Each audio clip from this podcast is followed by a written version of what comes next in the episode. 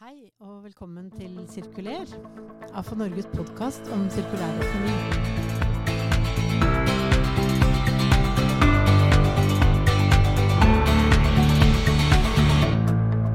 Mitt navn er Nancy Strand, og gjesten vår i dag er Johs Bjørndal. Han har vært redaktør i fagbladet Kretsløpet i over 25 år. Han kjenner avfalls- og gjenvinningsbransjen bedre enn de aller fleste. Hva kjennetegner bransjen før og nå, det skal vi snakke om i dag. Velkommen til deg, Johs. Takk for det. Hyggelig å komme hit. Du, nå hørte jeg akkurat at du har faktisk eh, levert ditt siste blad som eh, redaktør. Ja, det er eh, eh, holdt på å si min første dag som ansvarsløs på det området. Men eh, jeg kommer til å fortsette en stund til og nedfelle meg på trykk eh, i spaltene og, også framover, men altså ikke ha redaktøransvaret. Nei, nettopp. Så, men har du benyttet anledningen til å da skrive liksom, din, siste, din siste leder med et skråblikk på bransjen, eller hva?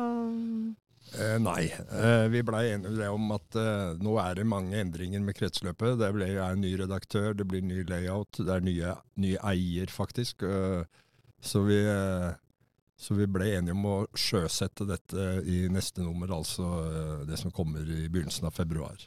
Ja, da er det, helt, eh, da er det nye tider. Ja. Men du, det er jo litt eh, For de som ikke kjenner historien her, så har jo da Kretsløpet vært avfalls- og gjenvinningsbransjens fagtidsskrift gjennom alle disse årene. Og har vært gjennom noen eh, litt brokete perioder. Og så eh, på et tidspunkt så gikk jo flere bransjeaktører, inkludert AFA Norge, inn som eiere for å kjøre bladet videre. Eh, men nå er det en helt ny konstellasjon. Ja, jeg kan vel dra historikken litt, da. Det er jo Kretsløpet er jo et produkt av at på 90-tallet så begynte man å få en avfallspolitikk under Torbjørn Berntsen.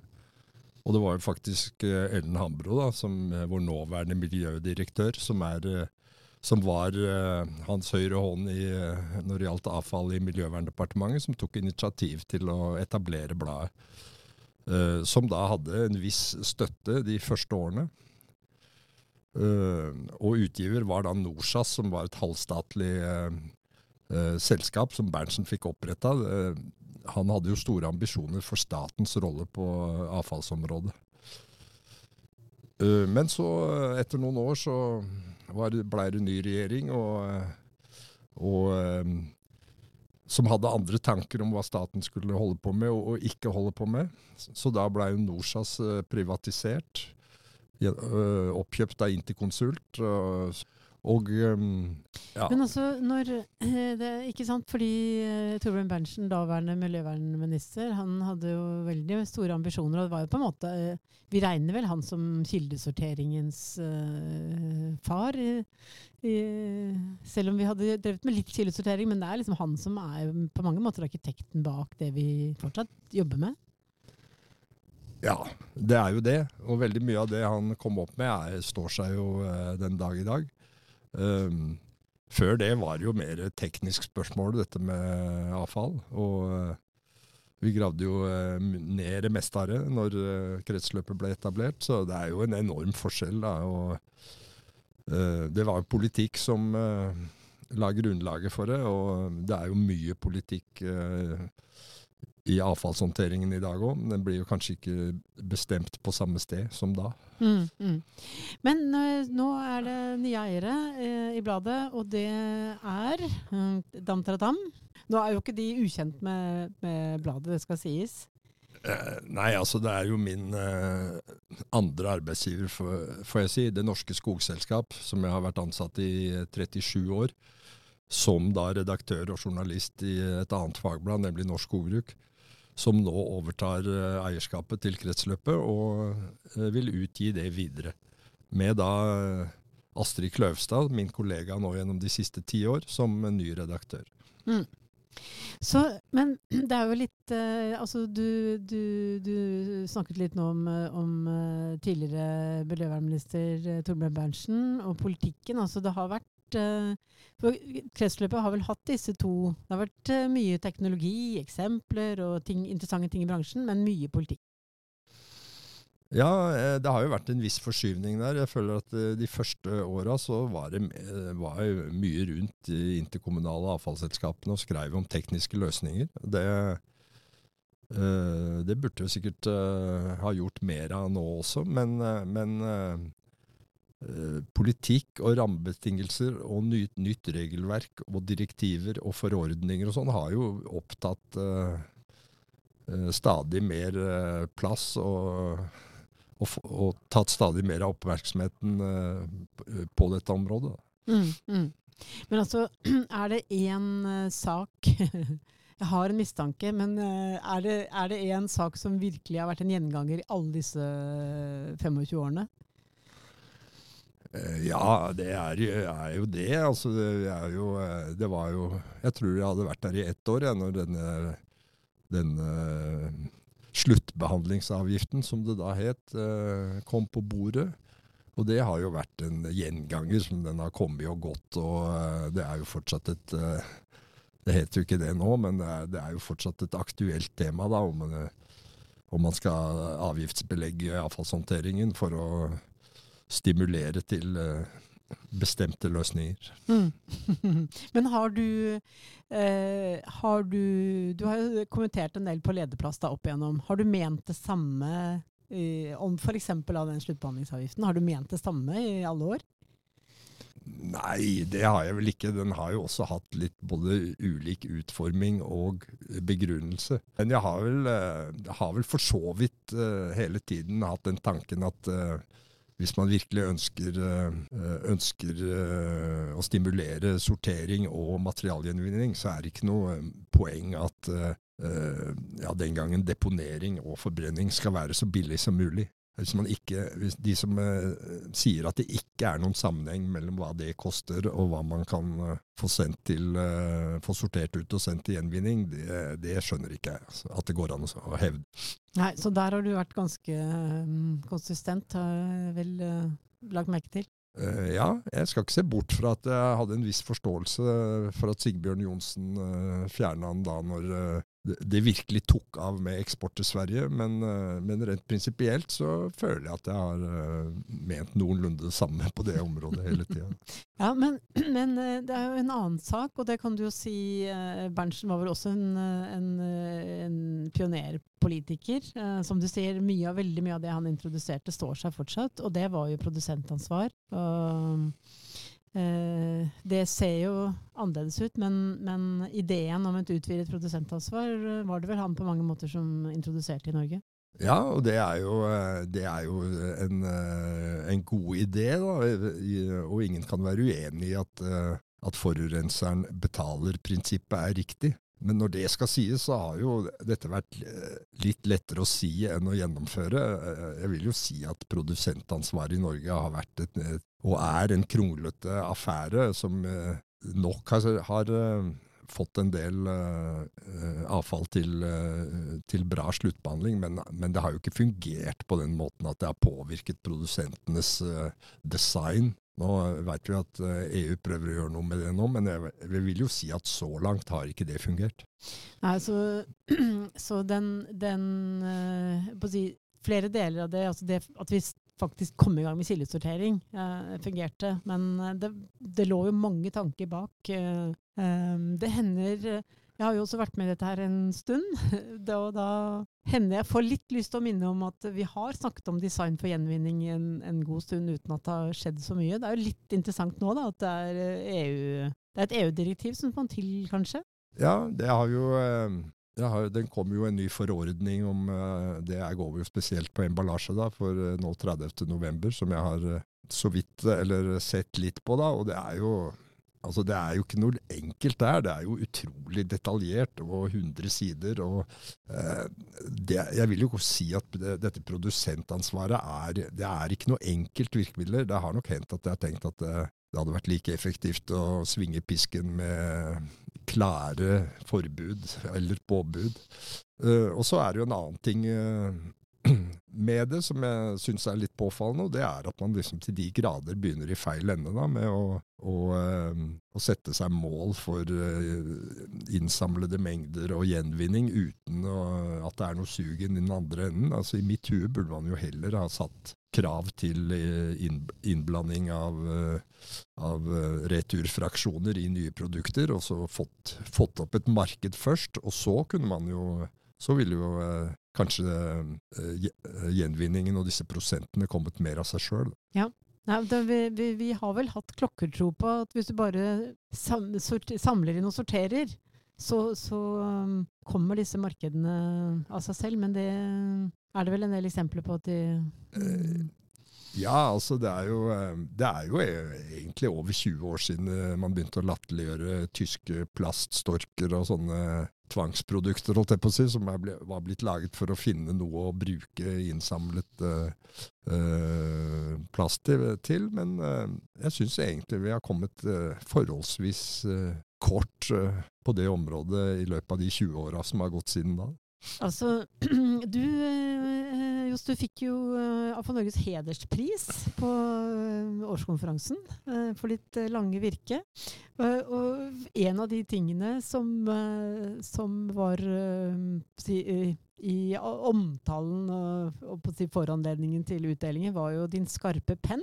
Um, du er kjent for å um, Og vi hører at det muntlige står ikke tilbake for det skriftlige her. Altså, du, uh, du liker å, å spissformulere litt. Har du liksom fått noe Hva slags reaksjoner har du fått igjen, opp igjennom? Ja, altså jeg har jo, jeg har jo blitt skjelt ut noen ganger, men uh, men jeg føler likevel at jeg har jo bevart et godt uh, forhold til de aller fleste. Og selv om jeg prøver å skrive og gå rett på sak, så, så føler jeg i hvert fall sjøl at jeg har anstrengt meg for å skille sak og person. og, og, og, og oppføre meg sånn noenlunde ordentlig. Altså Dette er jo på en måte som en lokalavis. og Du, du veit at du skal se de folka du skriver om i øynene igjen. Så det er, det er jo ikke noe det er jo ikke konstruktivt å, å eh, bli uvenner med folk. Nei, så, så, Men du nyter jo også veldig stor respekt i, i, i eh, avfallsbransjen nettopp pga. det, da. Uh, så, uh, men har det hendt at du har angret på noe du har skrevet?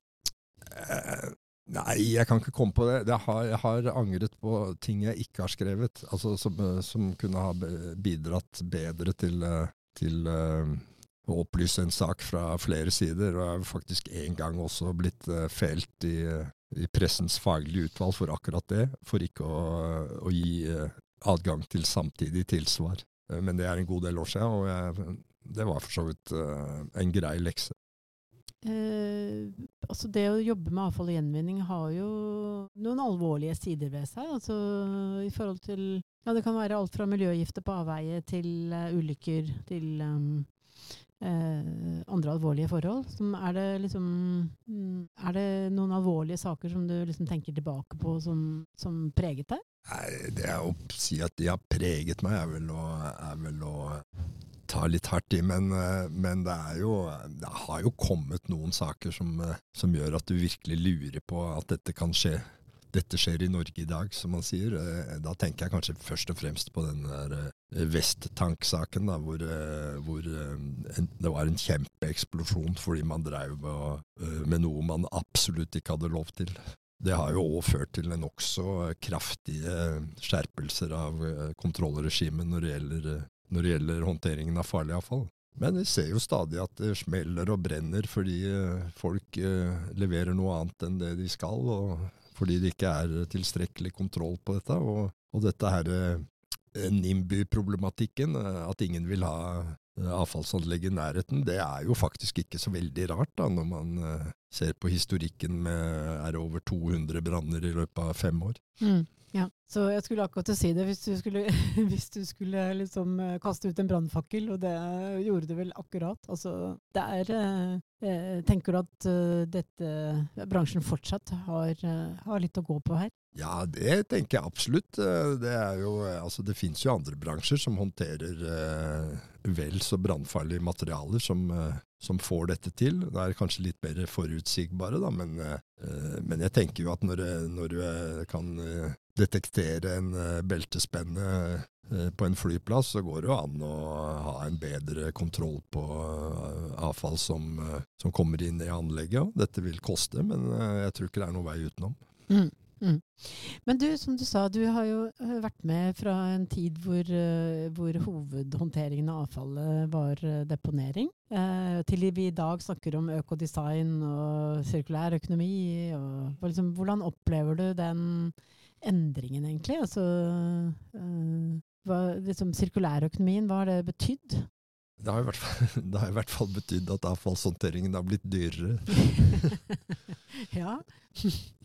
Men det er klart, det er jo, eh, det er jo veldig mye Det jo veldig, har jo skjedd veldig mye som er bra. da. Og så har det jo eh, samtidig, vil jeg si, skjedd en del uh, uh, som har hatt mer symbolverdi enn en, en hvert praktiske fremskritt. Det, det, det, går jo an å tenke for oss, f.eks. For, for oss som er skatte- og vederlagsbetalere i Oslo, at en del av det de endringene som er gjort der, har, eh, har kosta en god del mer enn det har smakt. Men Hvis du skal peke på noen, eh, noen, av disse teknologiske endringene som har skjedd, er det liksom noe som du virkelig tenker som er, virkelig, har litt eh, wow-faktor? Altså, noen teknologiske nyvinninger som virkelig har imponert deg? Ja, altså jeg har jo jeg, jeg fulgte jo med liksom på dette når eh, Tomra kom med sine, sine NIR-instrumenter og, og, den teknologien som gjør at du virkelig kan sortere materialslag uten å ta i det. Uten at det står 20 mann på et uh, sorteringsbånd, så, er jo det så er jo det teknologisk gjennombrudd.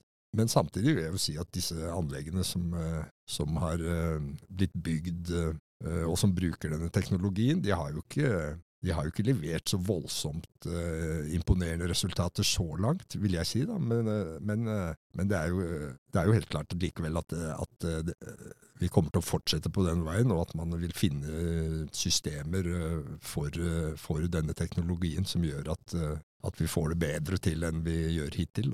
Mm, ja. Altså jeg så en av de forskerne som jobber med livsløpsanalyser, som stilte det litt retoriske spørsmål nettopp i en analyse av den teknologien vi har tilgjengelig. Er det teknologi og økonomi som blir liksom framtida, eller er det mer miljøpsykologi og påvirkning av atferden vår? da? Uh, spørsmålet hang i luften, men, uh, men uh, hva, hva, tenker du? Ja, det, er, det, går jo ikke an å tro at det er noe enten-eller der, men jeg tror jo det. Men den, eh, hvis man gjør en bra jobb ved kilden, så vil en jo aldri, aldri, tape på det. Det er jo, eh, jo bedre det man putter inn er, jo, eh, jo bedre vil det som kommer ut være. Så det var jo kildesortering som var løsningen da på 90-tallet, og jeg tror fortsatt at det er en viktig del av løsningen enda. Mm, mm. Eh, men just det kanskje um, ikke alle vet om, vet om deg, uh, det er jo at du har noen ganske aktive og sporty hobbyer. da. Um. Ja, altså jeg, jeg, har jo holdt på med idrettslige ting på riktignok et temmelig lavt nivå hele mitt voksne liv. Først fotball, og, som jeg da måtte slutte med etter at Eh, den ene hofta måtte byttes ut. Men uh, siden da ski og uh, sykling. Uh, så jeg er jo stort sett med i uh, Birkebeiner-arrangementene på ski og sykkel. Da. Det er jo litt fordi at jeg, jeg trenger et Jeg trenger liksom et ris bak speilet for å holde meg i gang. Egentlig er jeg, er jeg, jo veldig glad i mat og drikke, og for å holde fasongen sånn noenlunde, så må jeg ha noe, noe som pusher meg. Ja, Så det er ikke så helt uvanlig å se deg eh, på sykkel eller på, på ski i marka?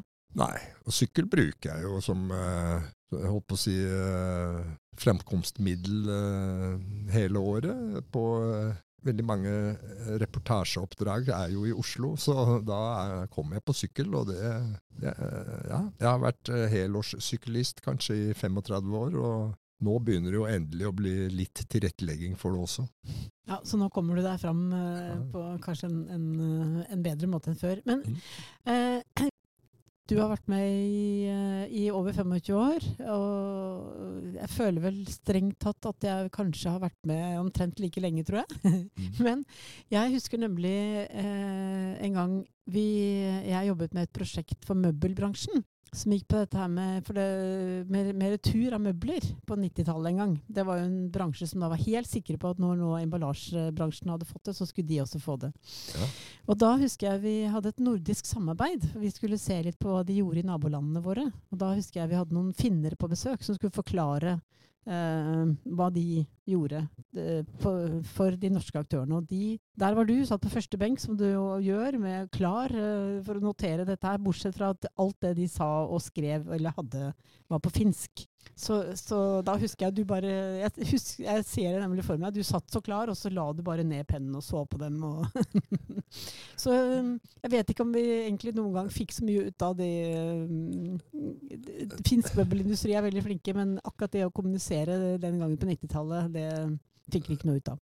Eh, nei, men jeg har jo ofte eh, tøffa meg og sagt at eh, jeg liker å dra rundt og, og prate med folk, og så drar jeg hjem og skriver det de burde ha sagt. Og det, den, det kunne jeg jo praktisere da også. Ja, ikke sant? og det kan det være kanskje opptil flere som kan være glad for. Ja, men ikke alle har vært så glad for. Men uh, dette er jo litt uh, det er jo litt flåsete. For å være litt mer alvorlig, så, så har jo kretsløpet det meste av sin levetid vært et blad som bare kommer ut annenhver måned, og så har det ikke vært så mye publisering imellom. Sånn er det jo ikke nå, da. Men da er det det er ikke som en avis hvor du kan rette en feil dagen etter. Du må på en måte eh, sørge for at det som står der holder sånn noenlunde mål og ikke er feil. Ja, så, men altså, faglig etterrettelighet har vært et, eh, et kjennetegn for kretsløpet, da. Ja, jeg, jeg har jo prøvd det. Altså det er, folk ler jo når, jeg, når du sier det, for det er så pompøst. Men uh, jeg, har- jeg på, har jo sett på det som en slags eh, folkeopplysningsprosjekt. Eh, altså, eh, du har jo sett eh, miljø- og klima- og miljøministre komme og, komme og gå. Er det i den lange rekken fra, fra Torbjørn Berntsen og fram til nå, er det liksom noen som har gjort ekstra inntrykk på deg? Eh, Nei, altså han var jo eh, Han er jo for oss i avfallsbransjen, så jo, stå, står jo han eh, i en egen eh, posisjon, da. Men hvis jeg skulle nevne en av de andre som jeg liksom har eh, tenkt at her er det en mann som gafler over mye og er kjapp i vendingen, så må det kanskje bli Børge Brende. Ja. Som mange, hadde mange ulike roller, men han sto frem som en handlekraftig statsråd. Ja, jeg traff jo han eh, temmelig mange ganger, både som avfallsredaktør og redaktør i skogbruket. Da, og plutselig så kommer han bort med seg og sier at nå ser jeg faktisk mer til deg enn kona mi. Sant? Eh, Det var jo ikke noe bra tegn, egentlig, men eh, han sa nå det. Ja, eh, det, det, når du sitter i den posisjonen du gjør, så kan du observere ganske godt hva de får til, og, og hva, gjerne, hva de skulle ha gjort. Ja, altså det, det må vel være lov å si at det er ganske få politikere som, eh, som har satt seg ordentlig inn i hva avfallsbransjen eh, er, og hvordan den er organisert. Eh, og det er kanskje ikke så rart heller, for det er jo, det er jo ganske komplekst. Sånn er det, har det vært hele tida, og sånn er det nå. Men når det er sagt, så vil jeg jo si at eh, dagens eh, klima- og miljøminister heter det nå, da, det, han eh, eh, forstår hva vi driver med, føler jeg. da. Mm, mm.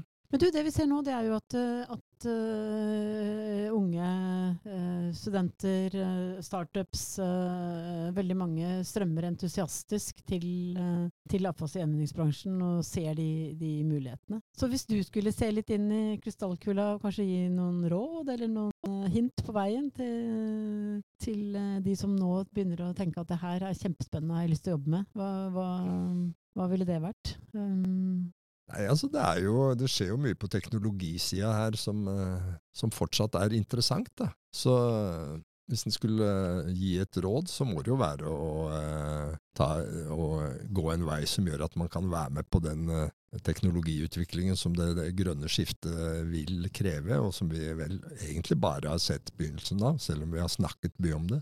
Men så er det jo noen fallgrubber her òg. Det er jo det er jo, for eksempel er det jo veldig mye penger i omløp nå, da, som, og mange av dem søker en, en grønn havn. Så det, dette gir jo litt, et visst spillerom for, eh, holdt på å si, eh, kjappe klipp og mer dilettantiske prosjekter som, eh, faller igjennom etter hvert.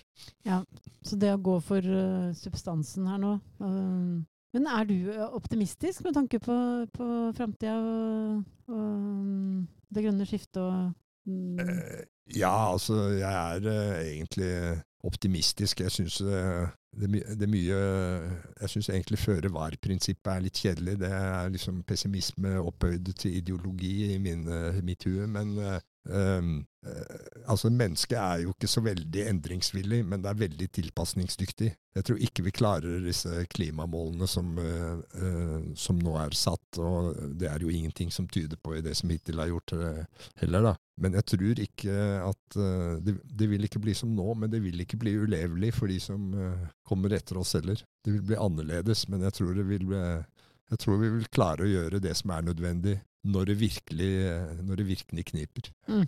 Mm. Ja, kloke, eh, kloke ord, altså. Du, vi, nærmer oss eh, slutten her nå, men eh, er det, er det noe Er det en sak eller noe du gjerne skulle ha gjort som redaktør? Nå får du fortsatt en mulighet, for som du sier, du skal fortsatt skrive litt, men er det noe du tenker å, dette, det der skulle jeg gjort mer av, eller skrevet mer om? Ja, altså jeg, Noe av det første jeg gjorde når jeg begynte begynte i kretsløpet, det var å, å dra opp til uh, Oslo renholdsverk og intervjue uh, direktøren der, Gunnar Wærnes. Og da kunne jeg fint lite. Uh, og han leksa opp for meg, og, og jeg stilte spørsmål om Da var jo Oslo en såkalt forbrenningsby, som bare hadde sortering av papir. Resten gikk i, i ovnen. Så jeg stilte da spørsmål om kildesortering ved mat og plast, og han svarte da kort og greit at på sin sørlandsdialekt at det, det jævla griseriet der, det må vi bare få brent opp.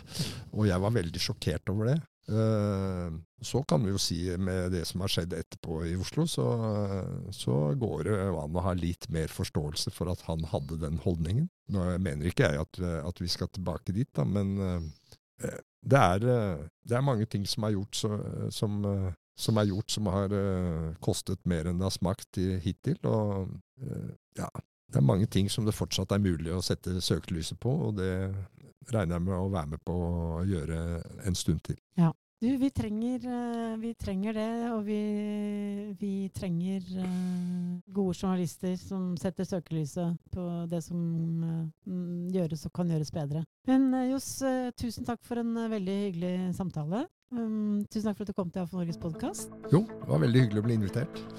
Da sier vi takk til alle som har hørt på i dag, og takk til vår eh, produsent Håkon Bratland. Vi høres. Ha det bra.